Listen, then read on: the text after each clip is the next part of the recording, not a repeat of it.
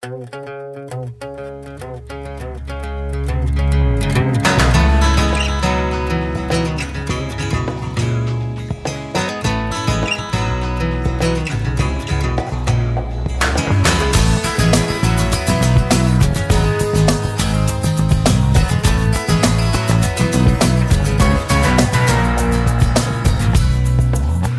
up, what's up, what's up Podcast listener, here's your podcaster Zer Pandi Lewat Narazir Podcast.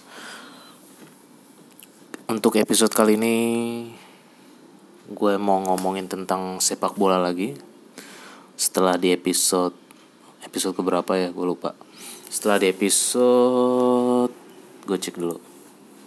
Mumpung lagi buka laptop.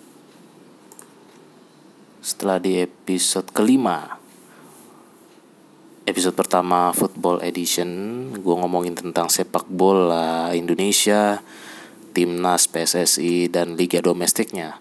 Dari uh, gue merecap uh, gue merecap pengamatan gue dari tahun 2002 sampai sekarang. Nah gue mau ngomongin sepak bola lagi nih. Dan yang gue ngomongin uh, terlalu banyak soal soal bolanya tapi lebih ke infrastruktur ya.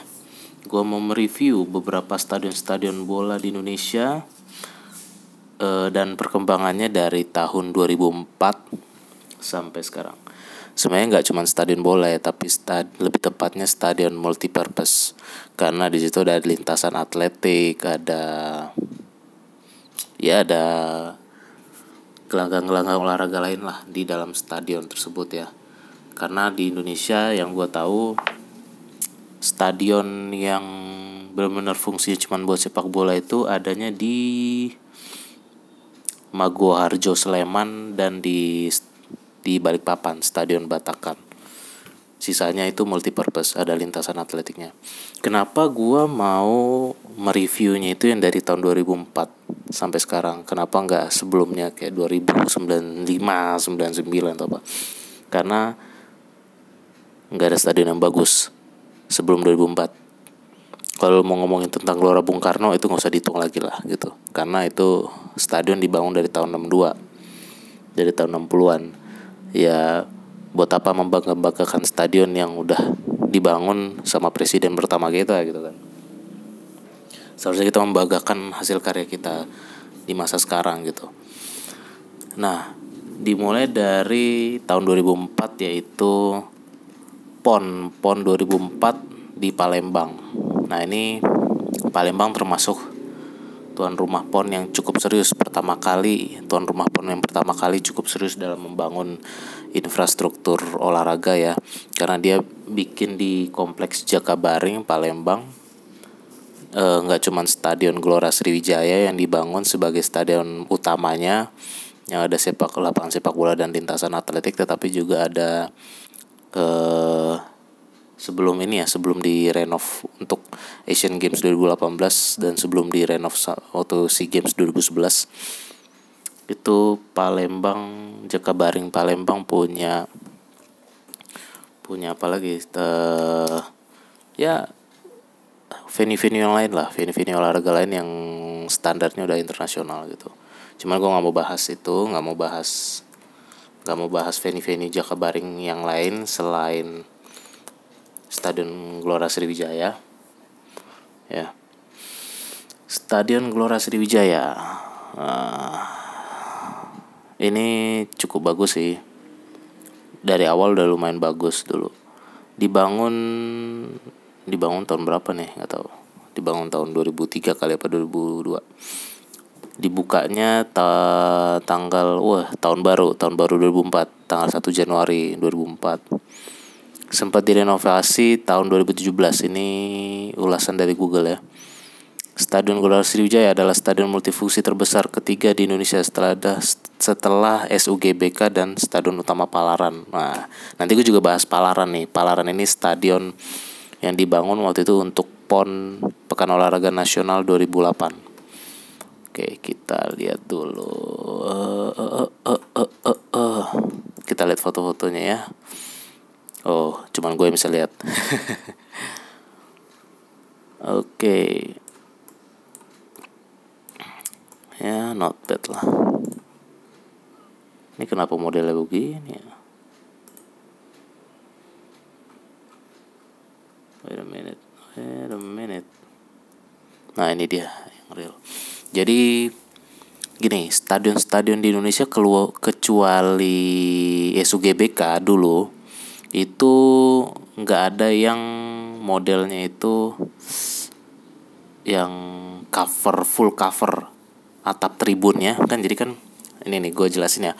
Uh, sebelum kita ngomongin review stadion-stadion ini gue jelasin sedikit tentang tentang struktur dasarnya stadion ya yang gue tahu ya yang gue tahu karena gue bukan ahlinya ya. Jadi jangan anggap gue ahlinya cuman gue memang salah satu pemerhati infrastruktur baik itu infrastruktur transportasi infrastruktur uh, sepak bola dan lain-lainnya.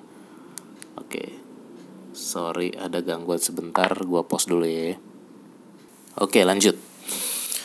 Struktur-struktur stadion. Jadi stadion itu komponennya ya selain ada lapangan lapangannya, lapangan olahraganya, entah itu lapangan rumput, entah itu lapangan apa lagi selain rumput ya. Entah itu ada lintasan atletik, entah itu lapangan karpet atau apa gitu ya. E, kalau tenis juga kan punya stadion gitu stadion yang umumnya sepak bola itu ada lapangan rumput bolanya dengan panjang dan lebar tertentu ya kayak kayak panjangnya berapa panjangnya seratusan ya 100 sampai 150 meter kali ya. Lebarnya 30 atau berapa meter gitu. Kemudian uh, ada tribun. Tribun adalah tempat di mana penonton duduk dan menyaksikan pertandingan gitu ya. Sebelum uh, setelah mereka uh, lewatin pintu masuk dan bayar tiket masuk. Tuh. Kemudian setelah tribun tribun itu biasanya uh, standarnya biasanya itu stadion-stadion tuh kapasitas stadion ada yang 20.000 kursi ada yang 30.000 kursi. Kalau stadion-stadion di Piala Dunia itu umumnya 45.000 40 sampai 45.000 kursi penonton. Uh, terus yang untuk kategori yang udah kategori besar itu biasanya stadion-stadion yang udah punya kapasitas 65 ribu 60 ribu sampai 100 ribu kursi penonton gitu ya. Ada yang individual seat kursi penonton individual seat ada yang bangku panjang gitu. Di stadion-stadion Indonesia masih banyak yang bangku panjang gitu. Terutama di tahun-tahun awal-awal 2000 era-era 90-an itu masih banyak banget. Yang pakai bangku panjang tidak terkecuali SUGBK Stadion Utama Gelora Bung Karno di Senayan Jakarta. Kemudian setelah ada tribun penonton untuk penonton duduk dan nonton hmm, selain ada dibagi kelas-kelasnya ada kelas uh, di belakang gawang ada yang kelas 1, kelas 2, kelas 3, VIP, VVIP, ada Royal Box segala macam. Ada atap, atap tribun. Atap tribun gunanya untuk apa, saudara-saudara? Iya, untuk melindungi penonton dari cuaca yang buruk, misalkan hujan, um, panas terik, ya kan, dan lain sebagainya. Nah, biasanya kalau stadion-stadion yang modern itu udah full cover, atap tribunnya ada 100% menutupi tribun. Tapi ada juga yang yang udah kategori internasional tapi masih masih 50% yang di cover gitu biasanya misalkan tribun uh, apa ya kalau kalau di podcast susah jelasinnya pokoknya gitulah jadi dia cuma ngelindungin tribun-tribun penting kayak kelas 1, kelas 2, VIP, VVIP gitu. Ada yang cuman cuman berapa ya? Kalau kalau tribun itu kan dia modelnya kayak bisa dibagi empat ya bisa dibagi empat sektor eh empat sempat sisi gitu ya. Empat sudut apalah istilahnya. Eh kalau 50% itu cuma dua sisi yang ditutupin ada lagi cuma satu. Kalau cuma satu berarti seperempatnya ya atau sepertiga. Eh, seperempat mungkin ya 25 persennya doang yang di cover ada yang 25% jadi rata-rata mengcover 25% berarti tribun tribun yang paling utama kelas 1 dan VVIP yang dilindungin itu mirip kayak di Camp Nou. Camp Nou Barcelona itu kan dia cuman tribun satu sisi tribun aja yang ditutupin. Jadi cuman 25 mengcover 25% doang. Camp Nou-nya Barcelona gitu kan. Walaupun kapasitasnya 98 ribu kursi tapi dia cuma menutupi 25% dari uh, area tribun. Area tribun penonton. Uh, kalau kayak di Gelora Sriwijaya ini dia cuma dua cuma dua tribun 50% berarti ya. Tapi setelah direnovasi gue nggak tahu kayaknya udah ditutup semua cuman nutupnya tuh nggak nggak standar sih kayak kayak apa ya? Uh, eh enggak deh kayaknya nggak ditutup juga masih sama. Gue lupa deh ini foto yang gue temuin bukan foto terakhir kali ya bukan foto paling terbaru. I don't know. No no no no no. Ya gitulah pokoknya ya. Ya lo pasti ngerti lah harusnya. Nanti lu cek sendiri aja di Google Gelora Sriwijaya Stadion Gelora Sriwijaya. Nah lo bisa temukan itu stadionnya gambar-gambarnya. Nah itu 50% dia nggak cover oke kemudian kita kembali lagi soal uh, soal struktur komponen stadion ya pada umumnya seperti pada umumnya ya semua semua bangunan punya fondasi ya itu lu nggak usah nggak usah gue ceritain lagi lah ya. Terus uh, ini komponen-komponen utama dulu ya. Tribun tadi udah atap tribun udah. Nah penerangan lampu tembak lampu sorot. Nah, lampu sorot stadion itu sangat penting di mana pun di stadion sepak bola mana pun stadion olahraga mana pun di dunia itu penting penerangan. Nah itu untuk ukurannya untuk ukurannya infrastruktur olahraga itu mereka biasa pakai ukuran lampu tingkat pena, intensitas penerangannya itu pakai ukuran lux. Ya coba gue coba tulis dulu ya penerangan. Gue ketik dulu ya guys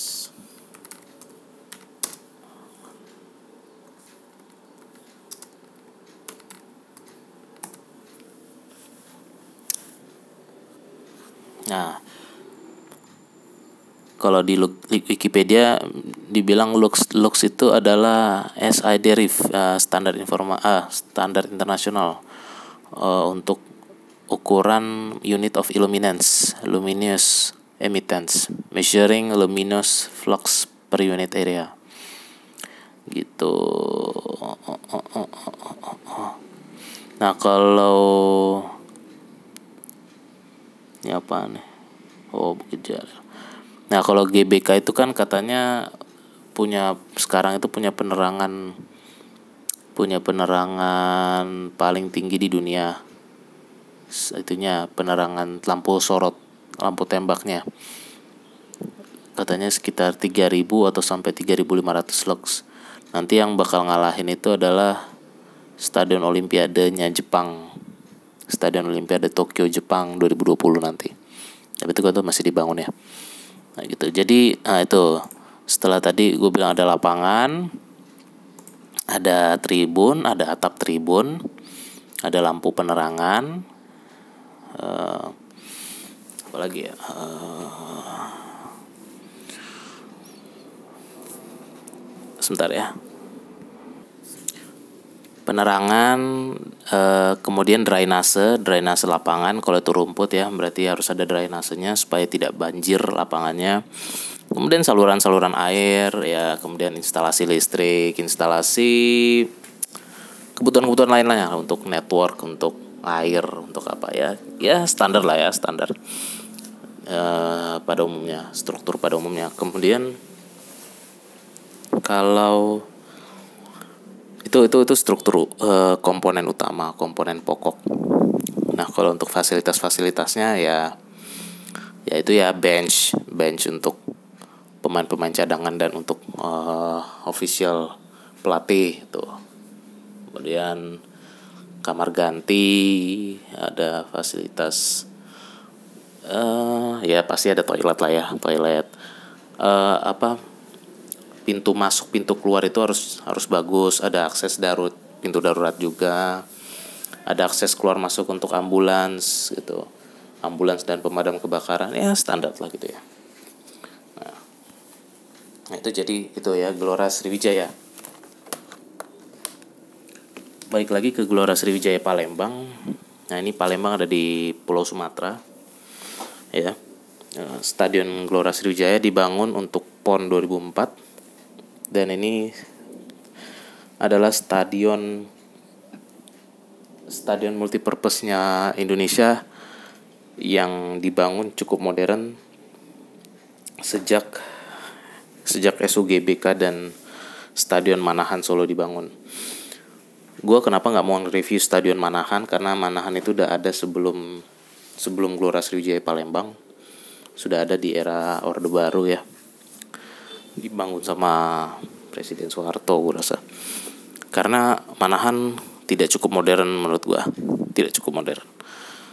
Uh, biasa aja itu jadi nggak perlu di review nah begitu juga dengan Stadion Teladan Medan tuh juga nggak perlu di review karena tuh sebenarnya nggak modern. Di masanya aja dia nggak nggak nggak cukup modern untuk di untuk di review gitu ya.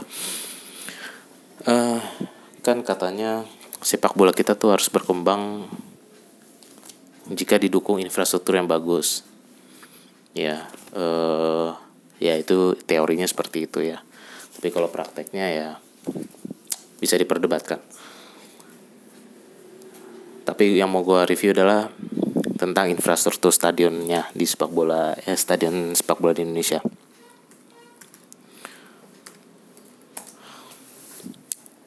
Uh, lanjut uh, itu ya jadi kalau Gelora Sriwijaya itu khasnya itu dia di pintu utamanya itu pintu utamanya itu temboknya itu agak khas ya dia pakai uh, warna temboknya itu pakai tema kain songket tema kain songket. Um, dan itu yang memberikan kekhasan ya jadi agak agak berwarna lah stadionnya gitu lalu lalu lalu. Kita lanjut aja ya. Uh, oh ya kalau Gelora Sriwijaya Palembang itu kapasitasnya di awal itu cuma 30 sampai 35 ribu kursi. Dan kursinya itu sebagian besar udah individual seat. Individual seatnya juga karena dinomorin ya. Tapi sebenarnya dia konsepnya mirip-mirip bangku panjang sebenarnya. Cuman agak lebih modern sedikit dari bangku panjangnya SUGBK dulu gitu.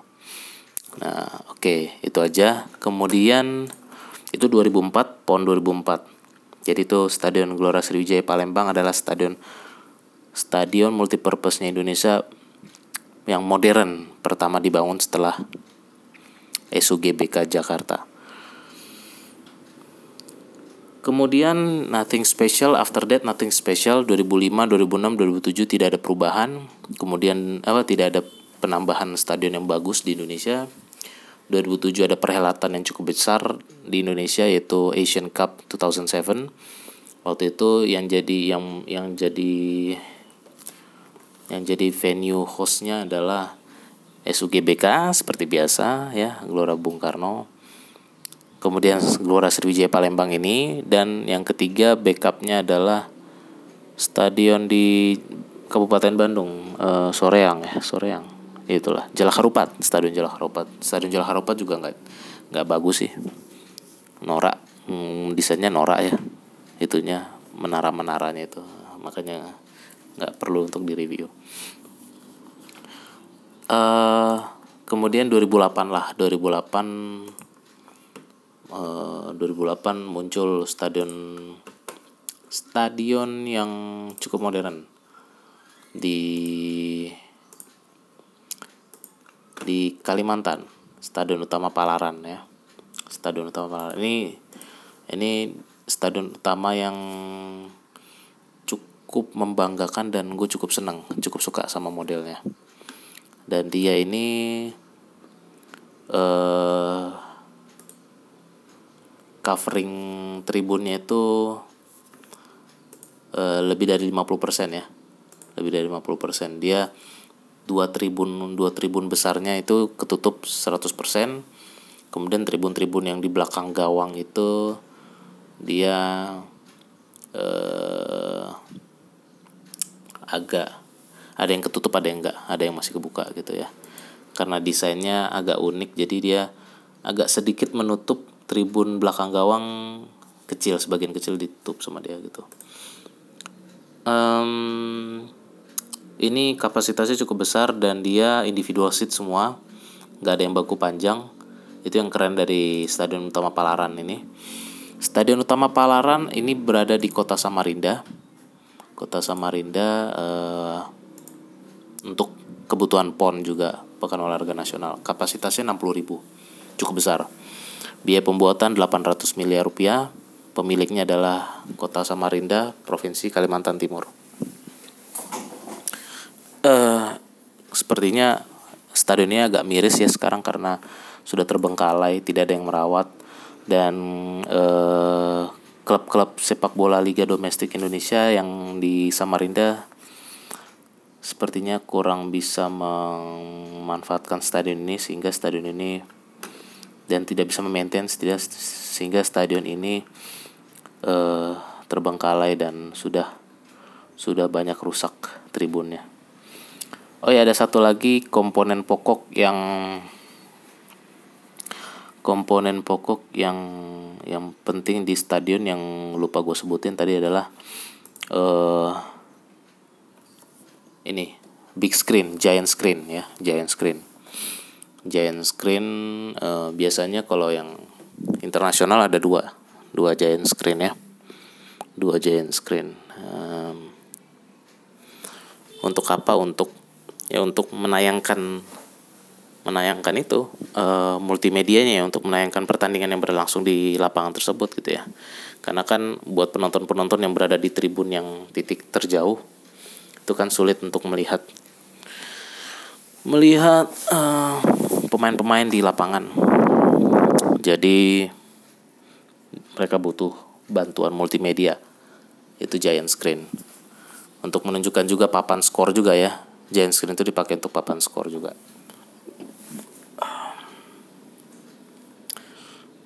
Uh, dari tahun 2004 kemudian 2008 PON 2008 um, um, apa uh, lapangan rumputnya itu tidak sekeren stadion-stadion di Eropa ya. Jadi mereka masih pakai tekniknya tuh bukan teknik pencahayaan gitu masih yang ya masih yang standar banget ya. Tapi sebenarnya material rumputnya sebenarnya udah termasuk yang internasional standar cuman efek efek pembuatan yang kayak model kayak di stadion-stadion di Inggris, Spanyol, Italia atau di Belanda, Jerman gitu mereka belum bisa ya. Dari 2004, 2008 baru mulai bisa tuh tahun 2007 itu di SUGBK ya apa sih istilahnya gue nggak tahu. Kemudian di luar pon eh sebentar sebelum sebelum pindah ke luar pon itu ada stadion lagi eh, di Kalimantan Timur juga. Kayaknya untuk itu juga deh untuk pon juga waktu itu. Stadion Kutai Kartanegara. Stadion Kutai Kartanegara ini juga termasuk stadion yang canggih. Lihat lumayan canggih ya. Hmm, sekarang namanya jadi jadi apa nih? Jadi Aji Imbut Aji Imbut Stadium. Aji Imbut Stadium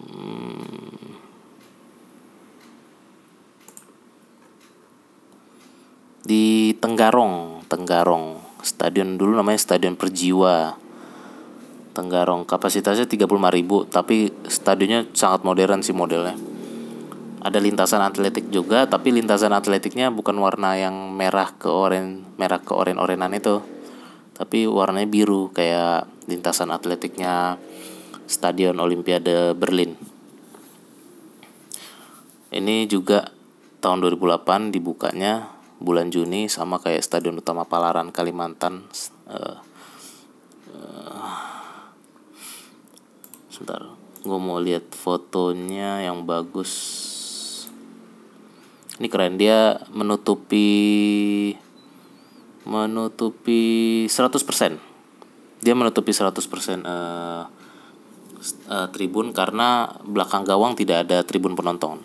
Belakang gawang tidak ada tribun penonton itu uh, dia kursinya gue nggak tahu ya harusnya sih dulu kursinya individual seat juga ya ding ding ding ding ding ding ding ding ding ding ding ding ding ding ding ding ya gitulah kira-kira bagus ini ini bagus 2008 ada dua stadion yang didirikan yang bagus itu Stadion Utama Palaran Kalimantan Timur Samarinda dan Stadion uh, Jimbut atau Stadion nih Kuk, uh, Tenggarong Kutai Kartanegara Tenggarong Kalimantan Timur juga ya kalau nggak salah gitu guys Oke, kita beranjak dari timeline 2008 kita ke kita ke Stadion Maguwo Harjo ya.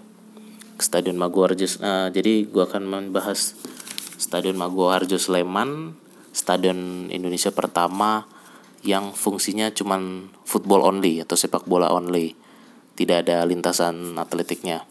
Stadion Maguwo Harjo Sleman ini ada di Provinsi Yogyakarta uh, akan gue bahas di segmen kedua. Stay tune ya.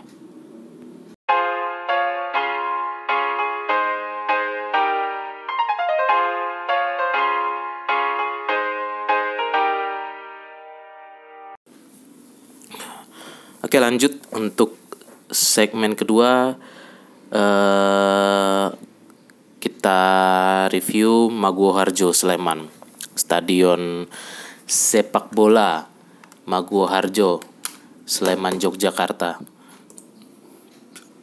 Jadi eh, tadi kan kita beranjak dari timeline 2004 ke 2008. Itu karena timelinenya tuan rumah PON. PON Palembang 2004 dan PON Kalimantan Timur 2008. Maguwo Harjo ini dibangun eh, setahun sebelum setahun sebelum eh dibangun dibuka dibuka sorry dibuka ya dibuka sama dibangun beda. Dibuka setahun sebelum PON 2008 jadi ini Stadion Maguwo Harjo ini 2007 ya yang menggunakan stadion ini adalah klub PSS Sleman. PSS Sleman punya basis supporter yang cukup cukup besar dan cukup fanatik ya. Kalau nggak salah mereka menjuluki dirinya kurvasut. Kurvasut itu kan ini ya istilah supporter fanatik di Eropa seperti di Italia dan segala macam. Cuman ya biarkanlah mereka berkreasi kalau menurut gua dibangun tahun 2005 dibuka tahun 2007 uh, eh, kapasitasnya 31.700 kursi ini stadion Sepertinya ya, harusnya ini adalah stadion pertama dengan fungsi sepak bola, only football di Indonesia. Gitu. Uh, jadi ini cukup bagus stadionnya walaupun tidak canggih, tapi konsepnya cukup baik ya. Kemudian atap tribunnya mengcover 50% dari keseluruhan area tribun.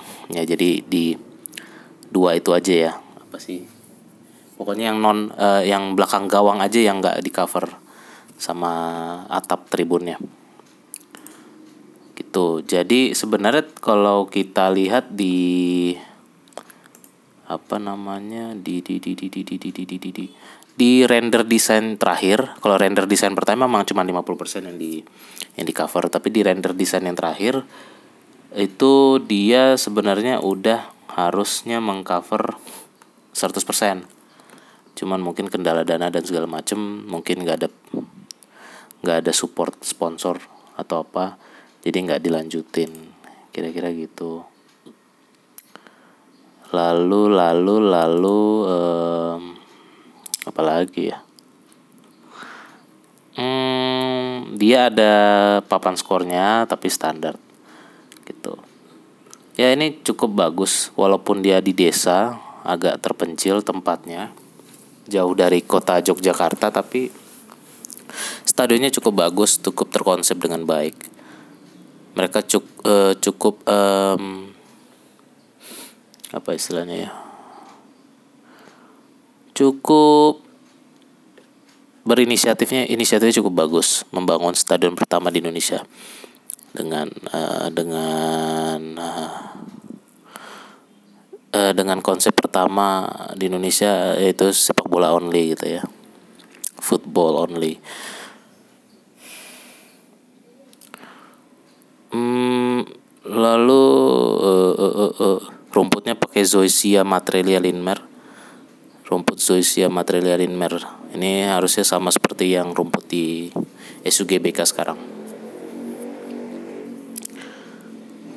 Lanjut kita lanjut kita lanjut ke stadion di mana nih? Di di di di di di di, di. Di Bandung apa Bekasi dulu ya? Bekasi dulu kali ya.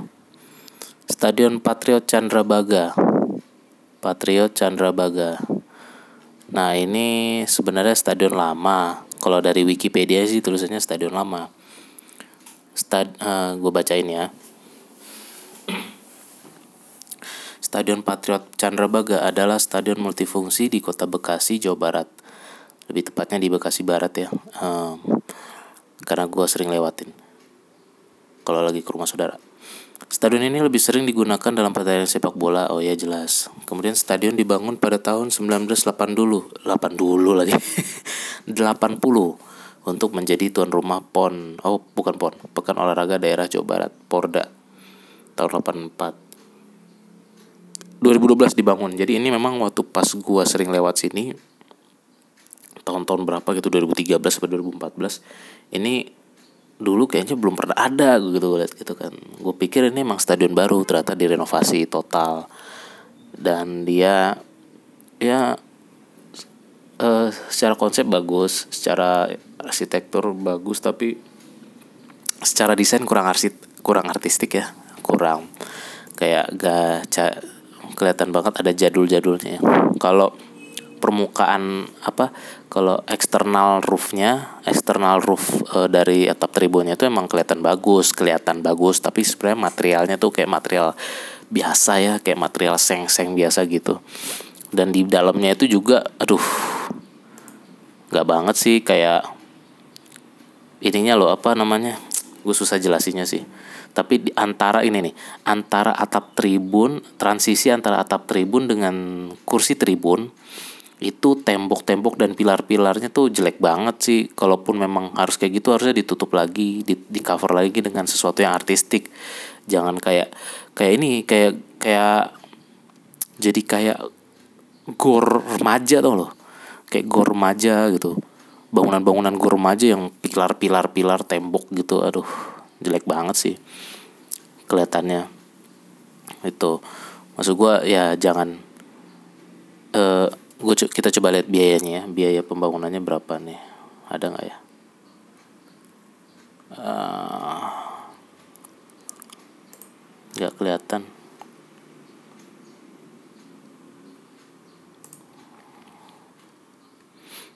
Nggak di nggak ditulis. Biaya pembangunannya berapa? Gue yakin ini makan banyak sih. Apalagi kan ini dipakai juga untuk perhelatan Asian Games ya cabang sepak bola Asian Games 2018 kemarin itu. Um, kapasitasnya cuma 28 ribu lagi. Nggak nyampe 30 ribu. Jadi maksud gue ini direnov tapi nanggung banget sih gitu. Nanggung bagusnya gitu loh. Uh, masih lebih bagusan yang di Cikarang setahu gue Cikarang Cikarang ya ya ya gitulah. Stadion Patriot Chandrabaga Bekasi. Ya udah gitu aja sih.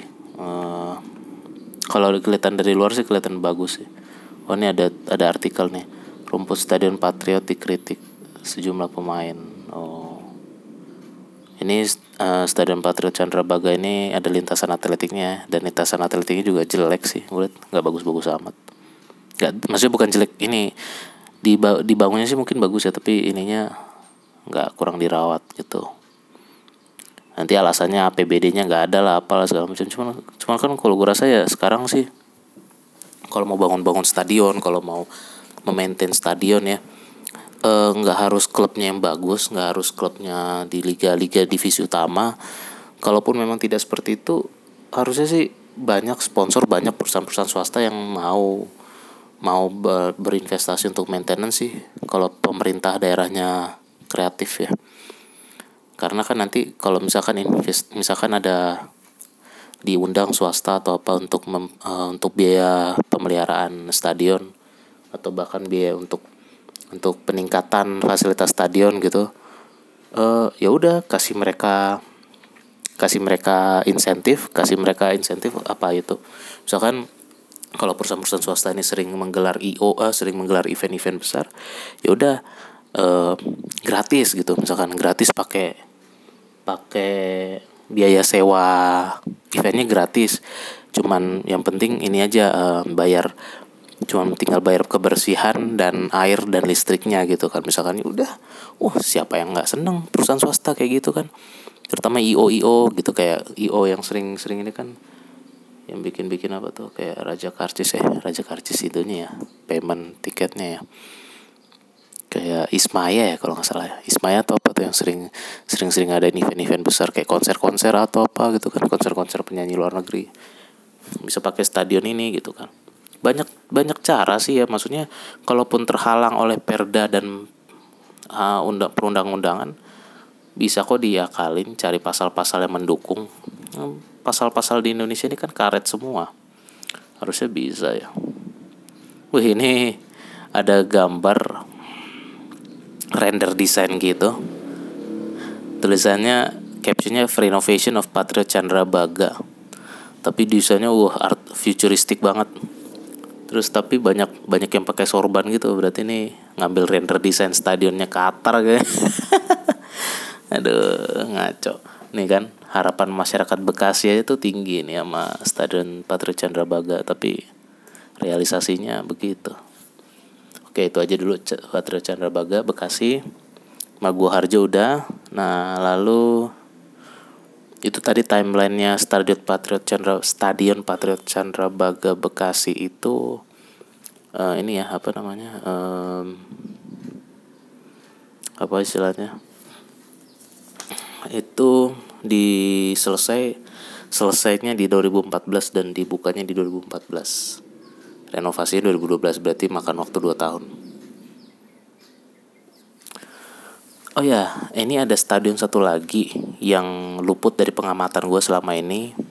Dan gue baru tahu ketika itu dipakai oleh timnas waktu SUGBK lagi di renov yaitu Stadion Pakansari. Pakansari Cibinong Bogor. Pakansari Cibinong gue review singkat aja ya karena gue nggak gitu tertarik untuk ngulas ini.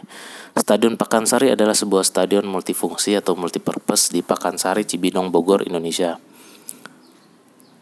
Uh, ini dibuka tahun 2014 kapasitasnya 30.000 kursi.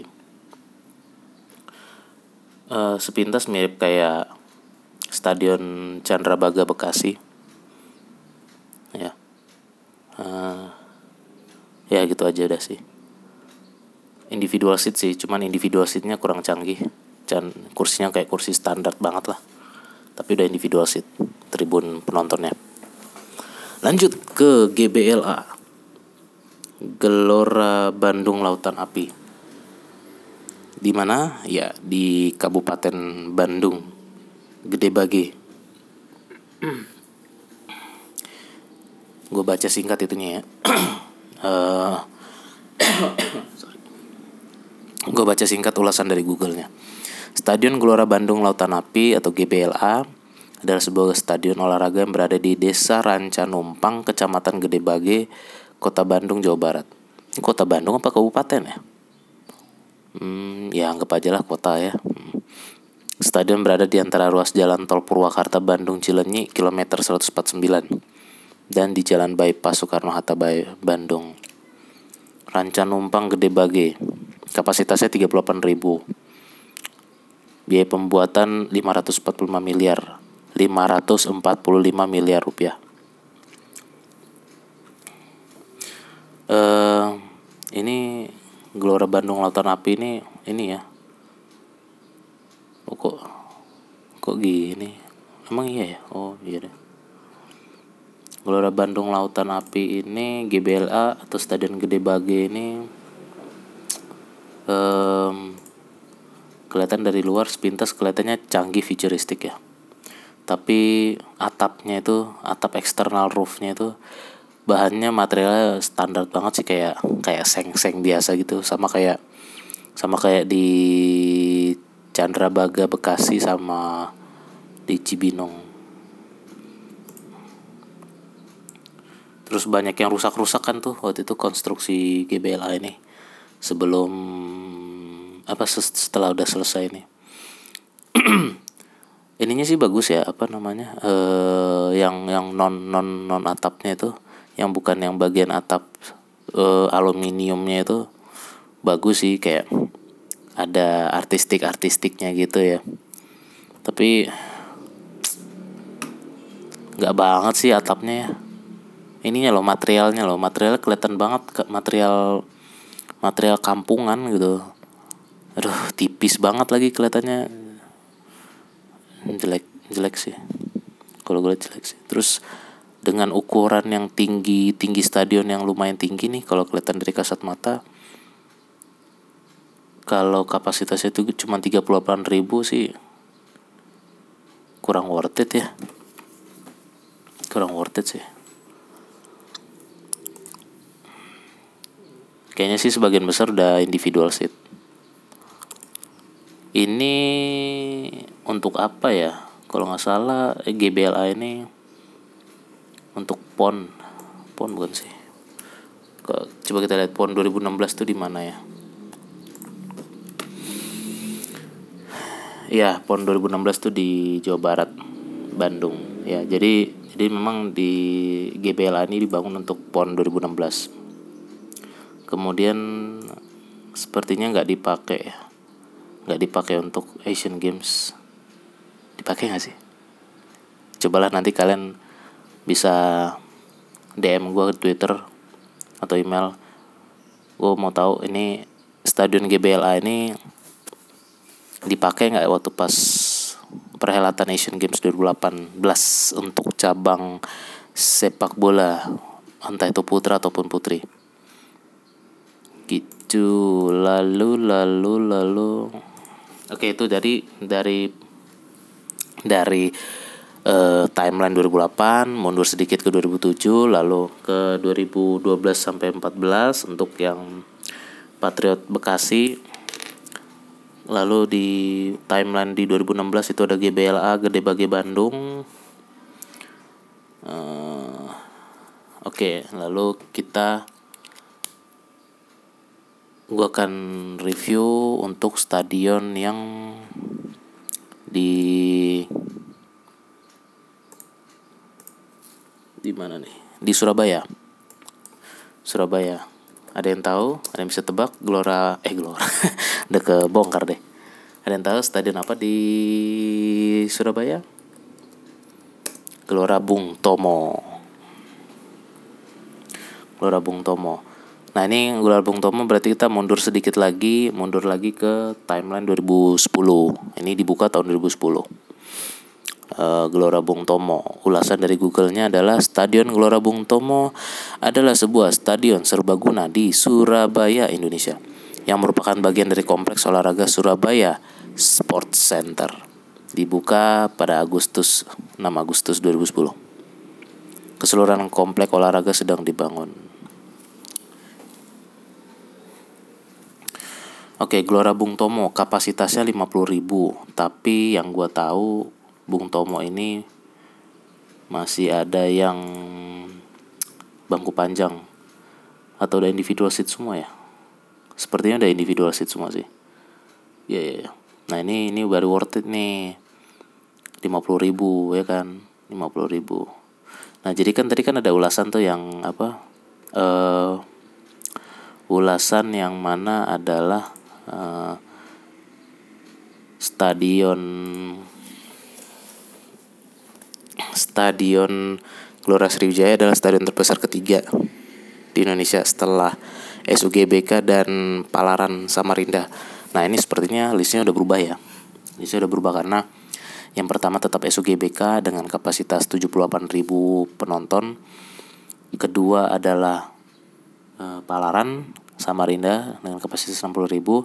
Nah yang ketiga ini adalah Gelora Bung Tomo ini ya. Gelora Bung Tomo 50.000 kapasitasnya. dari segi kapasitas itu ya. Jadi ter, stadion terbesar ketiga Surabaya eh, eh stadion terbesar ketiga di Indonesia itu ya Gelora Bung Tomo Surabaya. Lalu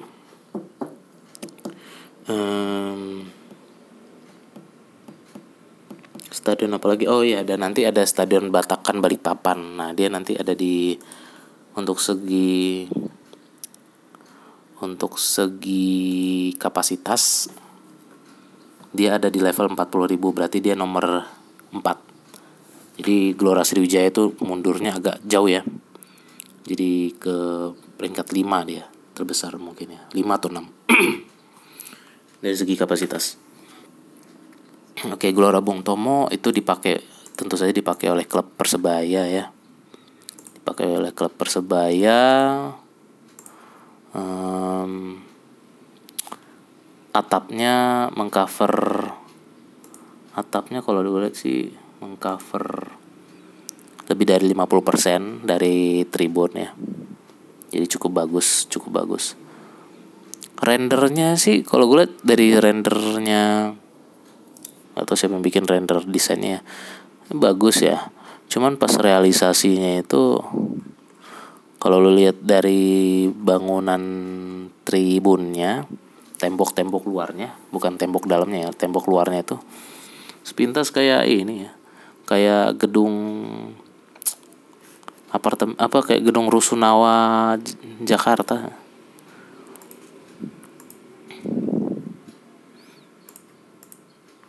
lucu sih gue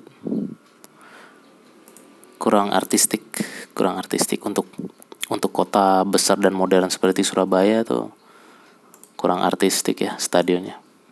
Masih lebih artistik stadion ini. Uh, Kutai Kartanagara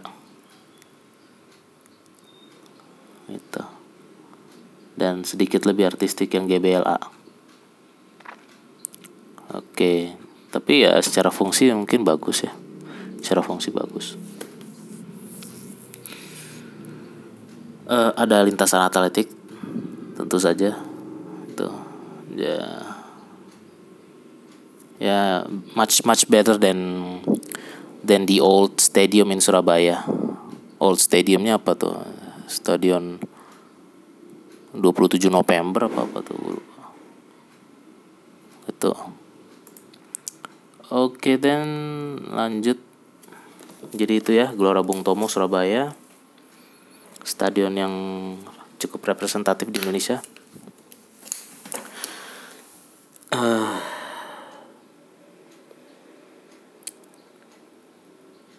stadion berikutnya. Kembali ke bumi Kalimantan. Stadion Batakan Balikpapan. Nah ini stadion menurut gua adalah stadion sejauh ini adalah stadion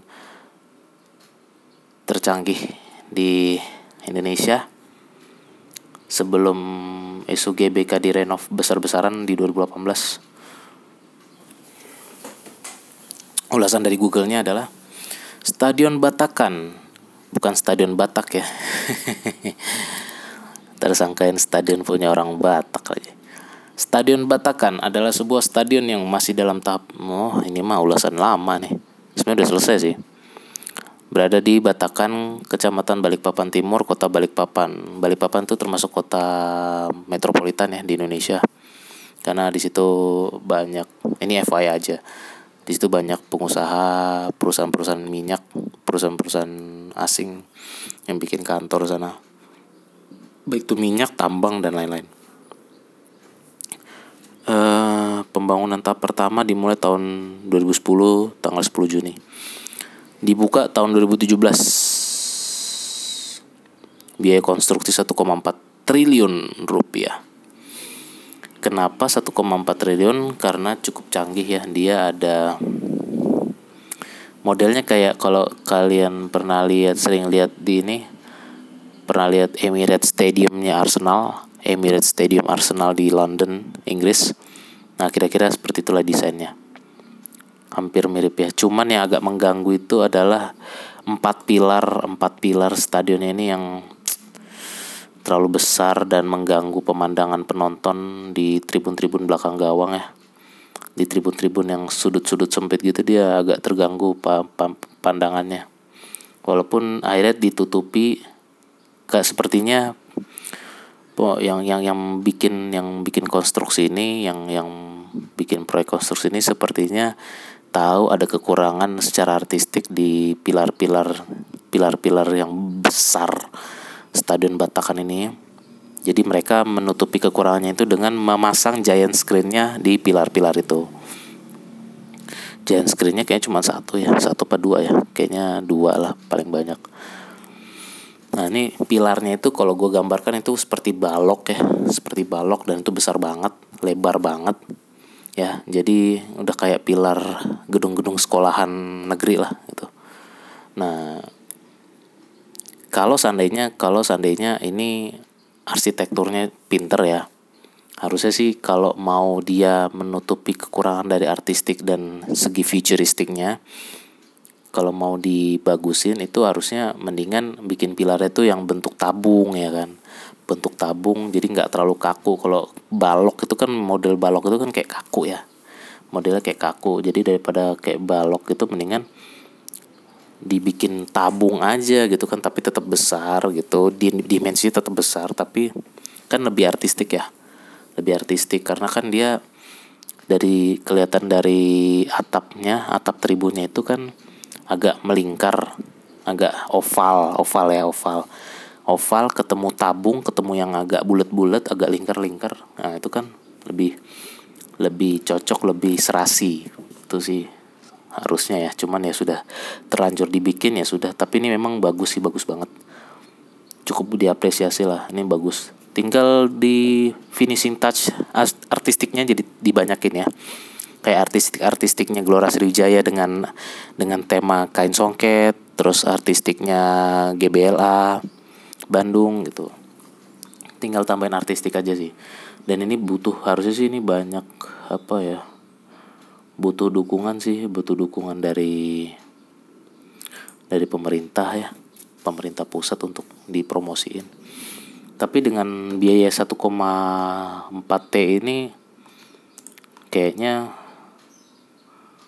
terlalu ini ya.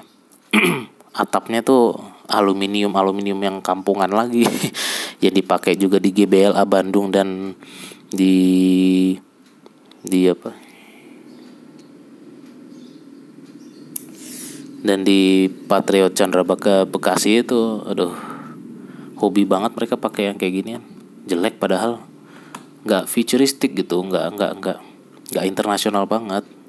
Kampungan gitu gue rasa Gelora Sriwijaya juga pakai ginian cuman mereka bisa berhasil mengcover itunya dengan warna biru. Kalau ini benar-benar gak diwarnain Patriot Chandra Bekasi terus yang di GBLA Bandung sama yang di Batakan Balikpapan ini gak diwarnain aluminium roofnya ini. Makanya jadi kayak aduh kurang bagus jadi kelihatan jelek gitu loh. Kalau yang di di mana kalau yang di Gelora Bung Tomo dia agak beda sih. Uh, tapi kayaknya aluminium juga ya. Tapi dia dikasih warna merah. Jadi nggak kelihatan gitu loh. Nggak kelihatan aluminium aluminium kampungan gitu. Terus kayak di di Pakansari ya. Pakansari coba Pakansari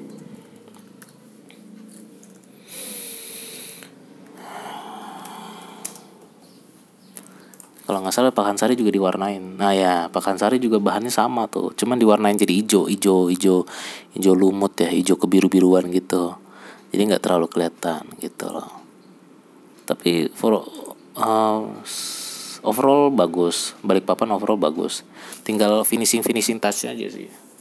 Tinggal mainin artistik mainin dis apa ya mainin artistik itu yang gue bilang tadi di warna-warnain, dicat, dikasih tema, tema-tema Kalimantan lah atau apa gitu kan, atau temanya Balikpapan apa dipakai itu. Dan ini Stadion Batakan Balikpapan ini jadi venue-nya, jadi kandangnya Persiba Balikpapan ya, sudah pasti. Oke dari list yang gue bikin, gue udah hampir semua gue udah gue review paling tinggal stadion PON 2012 ya yaitu stadion Utama Riau. Stadion Utama Riau ini atapnya juga sama seng-seng gitu aluminium gitu.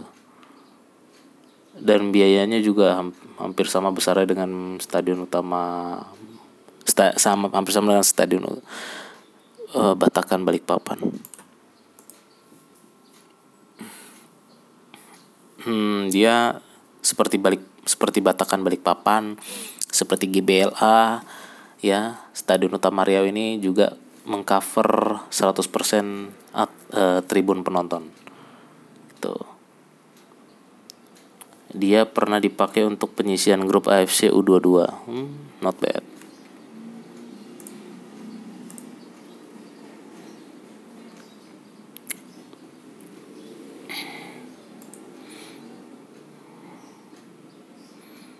Sudah individual seat juga. Sudah individual seat.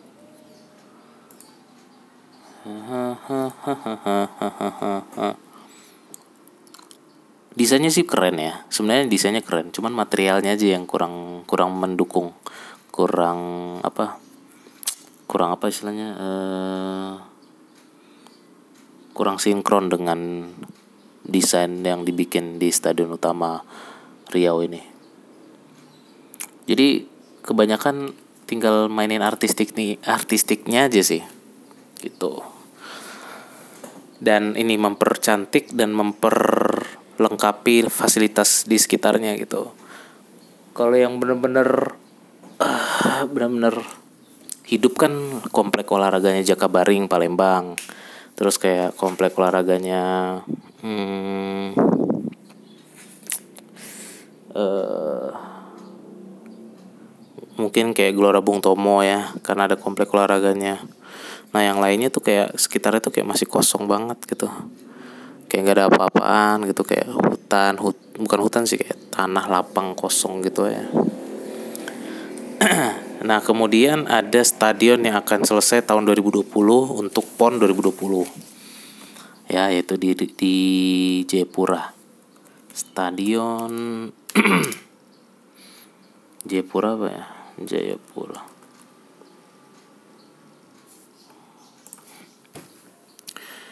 Uh, nanti dinamakannya Stadion Papua Bangkit.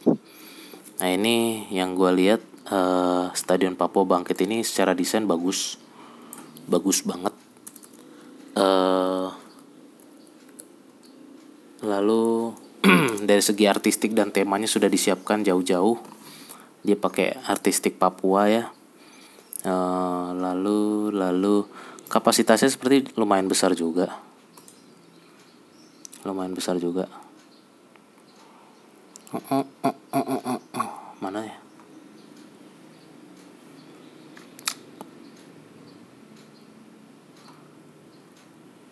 Ya nanti kalian bisa, bisa cari sendirilah yang stadion Papua Bangkit. Kapasitasnya gue belum tahu berapa kalau gue lihat-lihat sih kayaknya bisa 40 ribuan lebih. Bisa 40 ribuan lebih.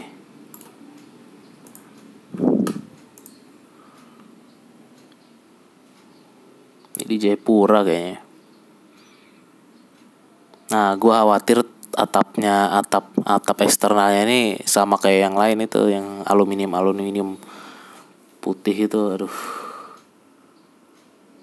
nggak pernah belajar dari ini ya stadion-stadion Eropa ya. Mereka atapnya tuh material atapnya tuh udah keren-keren tau gak sih? Kayak gelas lah apa gitu kan. Fiber apa gitu gitu loh. Masih seng aja masih aluminium aluminium aluminium standar aneh ya. Mudah-mudahan keren sih. Mudah-mudahan stadion Papua Bangkit tidak mengecewakan.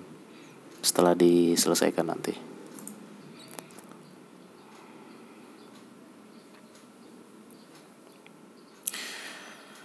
alright. Uh, kemudian apa lagi ya? Hmm, kayaknya sih itu aja dulu ya. Jadi itulah perkembangan-perkembangan stadion-stadion di Indonesia untuk industri olahraga, industri sepak bola terutama.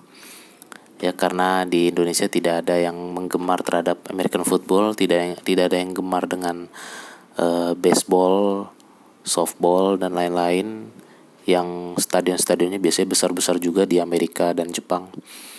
Uh, lalu tidak ada juga yang gemar terhadap uh, olahraga rugby yang pakai rumput juga. Jadi ya stadion-stadion besar di Indonesia ini digunakan untuk sepak bola aja sih biasanya. Gitu. Uh, eh, gue akan kembali di segmen ketiga. Uh, setelah yang satu ini ya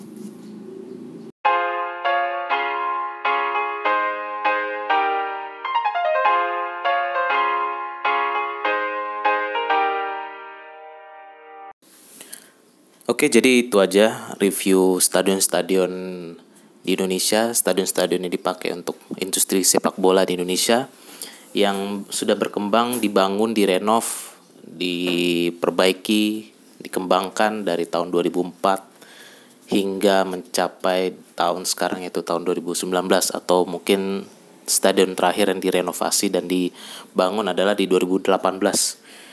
Uh, gua berkesimpulan bahwa stadion-stadion di Indonesia ini dari masa ke masa, dari tahun ke tahun berkembang cukup baik, berevolusi cukup baik, namun belum cukup futuristik dibandingkan dengan stadion-stadion yang ada di Asia sekalipun. Jangan usah dunia dulu, Asia aja belum belum cukup. Kalau mau lu bandingin dengan stadion di Jepang, Korea, Australia, bahkan Singapura sekalipun yang baru bikin stadion satu yang cukup futuristik dan cukup canggih, Indonesia belum sampai situ. Indonesia stadionnya belum canggih.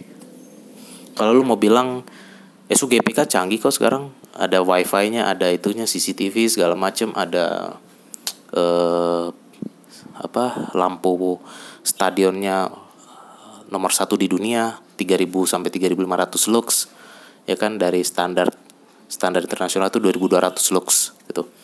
Ya memang benar tapi lu nggak bisa memasukkan SUGBK sebagai stadion futuristik di Indonesia karena dia itu si SUGBK itu special case. Itu special case sampai kapan pun nggak akan pernah bisa direnov uh, fundamentalnya. Struktur fundamentalnya itu nggak boleh direnov karena itu jadi chandra kok jadi chandra lagi? Jadi warisan apa cagar cagar budaya. Itu cagar cagar budaya yang harus dilestarikan. Sama seperti bangunan-bangunan Belanda cuman boleh dicat bangunan-bangunan Belanda yang jadi cagar budaya ya. Jadi uh, cuman boleh dicat cuman boleh diperbaikin di apalah diganti gentengnya segala macem. Nggak boleh diubah jadi bangunan modern. SUGBK juga nggak bisa dibangun modern makanya itu uh, sangat nggak bisa diapa-apain. Udah cuman gitu aja udah gitu. Uh, jadi uh, lu nggak bisa memasukkan SUGBK sebagai list stadion canggih di Indonesia. Teknologinya mungkin udah canggih. Cuman dari sekian banyak yang gue sebut tadi kayak Gelora Sriwijaya Palembang ya Gelora Sriwijaya Palembang Stadion Utama Palaran Stadion Kutai Kertanegara Tenggarong Maguwarjo Sleman EGBLA Bandung Patriot Candrabaga Bekasi Pakansari Bogor Gelora Bung Tomo Surabaya Stadion Batakan Balikpapan yang menurut gue tuh yang paling modern sekarang di Indonesia di luar SUGBK dan Stadion Utama Riau mana yang canggih gitu? Belum ada. Belum ada yang futuristik. Belum ada yang teknologinya benar-benar internet base IT base nya udah kuat gitu. Belum. Belum ada. Baru SUGBK dan SUGBK itu masuk kategori cagar budaya. Venue olahraga iya stadion sepak bola iya tapi cagar budaya juga iya. Yang mana nggak boleh direnovasi fundamentalnya gitu. Makanya kenapa atapnya tetap seperti yang sama bangunannya tetap seperti yang sama gitu. Cuman tribun kursi penontonnya yang diganti habis-habisan. Lintasannya yang diganti habis-habisan yang tadinya lintasan pasir merah jadi atletik yang modern gitu. Dan giant screen dikasih lampu LED macam-macamnya itu karena yang punya proyek desainnya nggak bisa berbuat apa-apa dengan fundamentalnya karena itu udah dilindungi undang-undang. Gitu ya. Jadi gue berkesimpulan stadion-stadion Indonesia belum ada yang cukup canggih belum ada yang cukup futuristik untuk uh, untuk menandingi stadion-stadion bahkan untuk menandingi stadion Korea Selatan Jepang di 2002 sekalipun. 2002 Piala Dunia yang lalu yang udah berlalu udah berlalu lebih dari satu dekade. Kayak contoh gue sebutin stadion-stadion di Korea dulu lah. Stadion Korea yang dipakai di 2002 itu kayak Seoul World Cup Stadium yang kapasitasnya 66.806 penonton. Itu canggih dan dia atapnya nggak nggak seng kayak kayak yang gue sebutin tadi stadion Indonesia kan.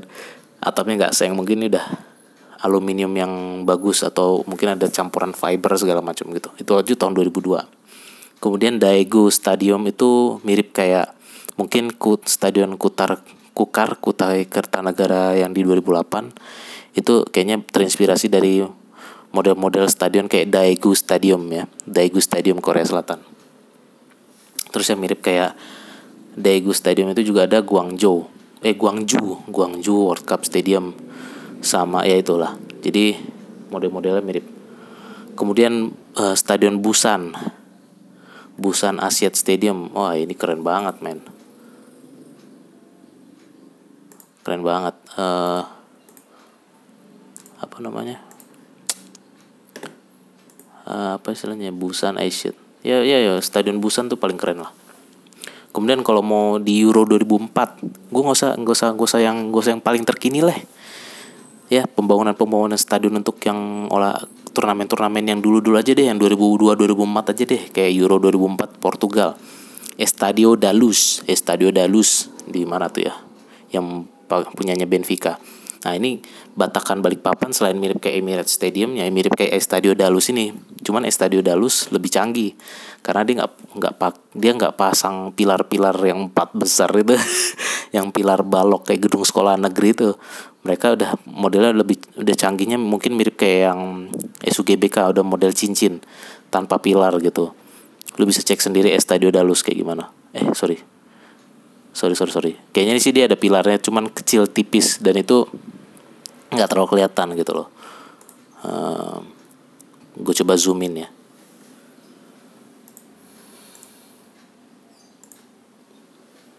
Duh, lama lagi loadingnya. Sorry sorry sorry gue ralat. Dia ada pilar tapi kecil nggak sebesar kayak di itu. Dan dia ditutupin. Dia tribun yang menutupin atapnya bukan eh atap tribun penonton yang menutupi pilarnya bukan pilar yang nutupin pen, tribun penonton. Kalau kalau batakan stadion itu kan pilarnya agak menonjol pilarnya menonjol ke dalam lapangan. Sementara kalau yang di Estadio da Luz Portugal di Benfica Benfica apa kotanya ya? Bukan bukan di Sabon ya apa ya? Benfica Benfica kali ya? Ya, ya anggap aja lah Benfica lah kotanya. Nah itu dia pilarnya uh, membelakangi, membelakangi apa apa? Ya pokoknya pilarnya mundur, mundur dari tribun. Jadi lebih yang mencolok adalah tribunnya gitu loh.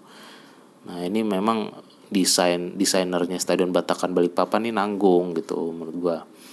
Uh, itu aja, gak usah dibanding itu dulu. Itu aja dulu deh. Itu aja kita belum sanggup menandingi kecanggihan dan futuristiknya stadion-stadion yang di 2002-2004 gitu. Apalagi kalau mau ngomongin Allianz Arenanya Jerman untuk Piala Dunia 2006 yang kaca semua dan LED-nya lebih canggih daripada tetap lebih canggih daripada daripada LED LED warna-warninya SWPK gitu kan. Nah itu jadi tapi setidaknya walaupun belum cukup canggih atau belum cukup futuristik setidaknya dari tahun ke tahun dari masa ke masa stadion-stadion dan infrastruktur sepak bola Indonesia ya lebih ada progres, lebih ada perkembangan ketimbang development sepak bola timnas PSS itu sendiri. Ya, jadi kenapa gue mau mereview stadion-stadion ini? Ya untuk sedikit menghibur kita lah sedikit menghibur kita tentang sepak bola Indonesia yang lagi carut marut. Uh, ganti ketua PSSI lah timnas yang nggak pernah berkembang lah nggak pernah juara Piala AFF nggak pernah nggak pernah juara lagi sejak medali emas SEA Games 1991 banyak mafia segala macem gitu kan. Uh, liganya banyak yang berantem PSIS-nya juga di dalam berantem rebut-rebutan jabatan kekuasaan dan segala macam uh, jadi ya ini ini adalah semacam hiburan aja hiburan bagi kita. Daripada kita ngomongin yang pusing-pusing kayak gitu mendingan kita review aja stadion-stadion di Indonesia yang bagus-bagus yang representatif sejauh ini sampai mana gitu kan perkembangannya sampai mana. Nah ini gue bantu membantu bantu mereview mereview stadion-stadion di Indonesia yang dari 2004 sampai sekarang. Jadi kebanyakan yang cukup besar itu yang cukup berkembang itu stadion-stadion ada di di Kalimantan dan di Pulau Jawa ya. Di Pulau Jawa dan Pulau Kalimantan. Kalau Kalimantan tuh ada di Palaran, Kutai Kartanegara Tenggarong, dan Batakan Balikpapan. Kalau di Jawa ya seperti di Maguarjo Sleman, GBLA Bandung, Patri Chandra Baga Bekasi, Gelora Bung Tomo Surabaya, terus ada juga Wibawa Mukti Cikarang, um, dan lain-lain. Kalau Sumatera baru ada Palembang dan Riau yang yang cukup representatif stadion sepak bolanya. PR terbesar sama seperti stadion-stadion lain di negara-negara di dunia seperti Brazil, Portugal, dan negara-negara lain. PR yang sama yang menjadi yang menjadi momok buat infrastruktur sepak bola Indonesia adalah ya pemeliharaan. Pemeliharaan seperti yang terjadi Palaran itu terbengkalai, hancur, udah mulai hancur stadionnya karena nggak dirawat, nggak dipelihara, nggak ada yang bertanggung jawab untuk memelihara itu uh, kemudian ya pengembangan lah ya jadi maksudnya uh, terlalu bergantung sama proyek-proyek besar seperti PON, Asian Games dan lain-lain gitu. Uh, Papua baru punya stadion gara-gara ada mau bikin PON 2020 gitu kan. Tapi thanks to thanks to the current president Pak Jokowi ya Jokowi memberikan kesempatan Papua untuk menggelar PON untuk pertama kalinya di Indonesia. PON dari Papua, ya Jayapura. Jadi gue berharap nanti Stadion Papua bangkit bisa menjadi stadion futuristik pertama di Indonesia. dari segi desain mungkin nggak terlalu futuristik, tapi ya mudah-mudahan dari segi teknologi di dalamnya udah futuristik ya, dilengkapi dengan CCTV real time seperti yang di SUGBK, internet base uh, mungkin kalau bisa udah ada IoT-nya juga Internet of Things-nya dan uh, segala macamnya udah elektronik segala macam. Ya jadi futuristik lah itu atau mungkin stadion-stadion lain ya yang yang kayak Batakan dan Maguwarjo yang menjadi football only bukan multi purpose tapi football purpose only gitu kan. Ya diperbanyak lah yang kayak gitu-gitu. Jadi karena nggak semua cabang atletik itu butuh stadion besar gitu ya udah cukup lah lintasan atletik gitu kalau menurut gue sih. Itu kan lintasan atletik dibangun gara-gara untuk pon kan. Ya gimana sih kita kalau mau jadi tuan rumah Piala Asia berikutnya atau tuan rumah mungkin ke depan nanti tuan rumah Piala Dunia untuk piala-piala apalah gitu. E, masa kalah sama Qatar yang stadionnya nanti futuristik banget gitu kan. Ya nggak usah pakai alasan-alasan gak punya duit lah gitu lah buktinya Jokowi bisa tuh bikin Trans Papua ribuan kilometer pakai investor segala macem. Gue nggak mau ngomongin utang-utang segala macam ya atau biaya impor-impor itu urusan yang lain lah. Cuma maksud gue banyak jalan menuju rumah banyak cara kok kalau kita punya kemauan gitu. Uh, apa-apa kalau dihitung semuanya dengan duit sih menyedihkan sih menurut gue karena gue rasa er, di Eropa, Amerika, dunia-dunia Barat itu bikin stadion canggih-canggih tuh bukan sekedar untuk nyari duit. Gue rasa mereka juga punya kebanggaan tersendiri kalau bisa bikin stadion yang futuristik gitu. Punya kebanggaan dan mereka bisa bikin branding gitu. Kayak Allianz Arena tuh brandingnya kuat. Stadionnya brandingnya kuat gitu. Bahkan lebih kuat daripada Sapporo Dome yang modelnya kayak ya modelnya lebih canggih juga gitu kan kelihatan lebih futuristik juga tuh stadion gitu uh, yaudah itu aja. Uh, mudah-mudahan lu semua tercerahkan dengan review-review stadion ini. Mungkin kalau lu punya ada bilang ada yang punya review stadion yang lain di Indonesia yang juga nggak kalah canggih nggak kalah keren nggak kalah representatif uh, boleh uh, lu DM gue di Twitter Zerpandie atau email gue di zoro@generasicipta.com atau enggak ya bisa komen-komen di Anchor, Anchor gua, Anchor.fm. Karena kalau di Spotify dan Apple Podcast uh, kita nggak bisa interaksi ya, nggak bisa interaksi secara langsung gitu. Alright, nah jadi itu aja untuk episode uh, stadion-stadion bola di Indonesia. Mudah-mudahan uh, perkembangan stadion-stadion di Indonesia yang makin baik dari hari ke hari dari tahun ke tahun makin baik mudah-mudahan diikuti dengan perkembangan timnas kita yang makin baik juga. Amin ya. Itu aja dulu dari gue. Um,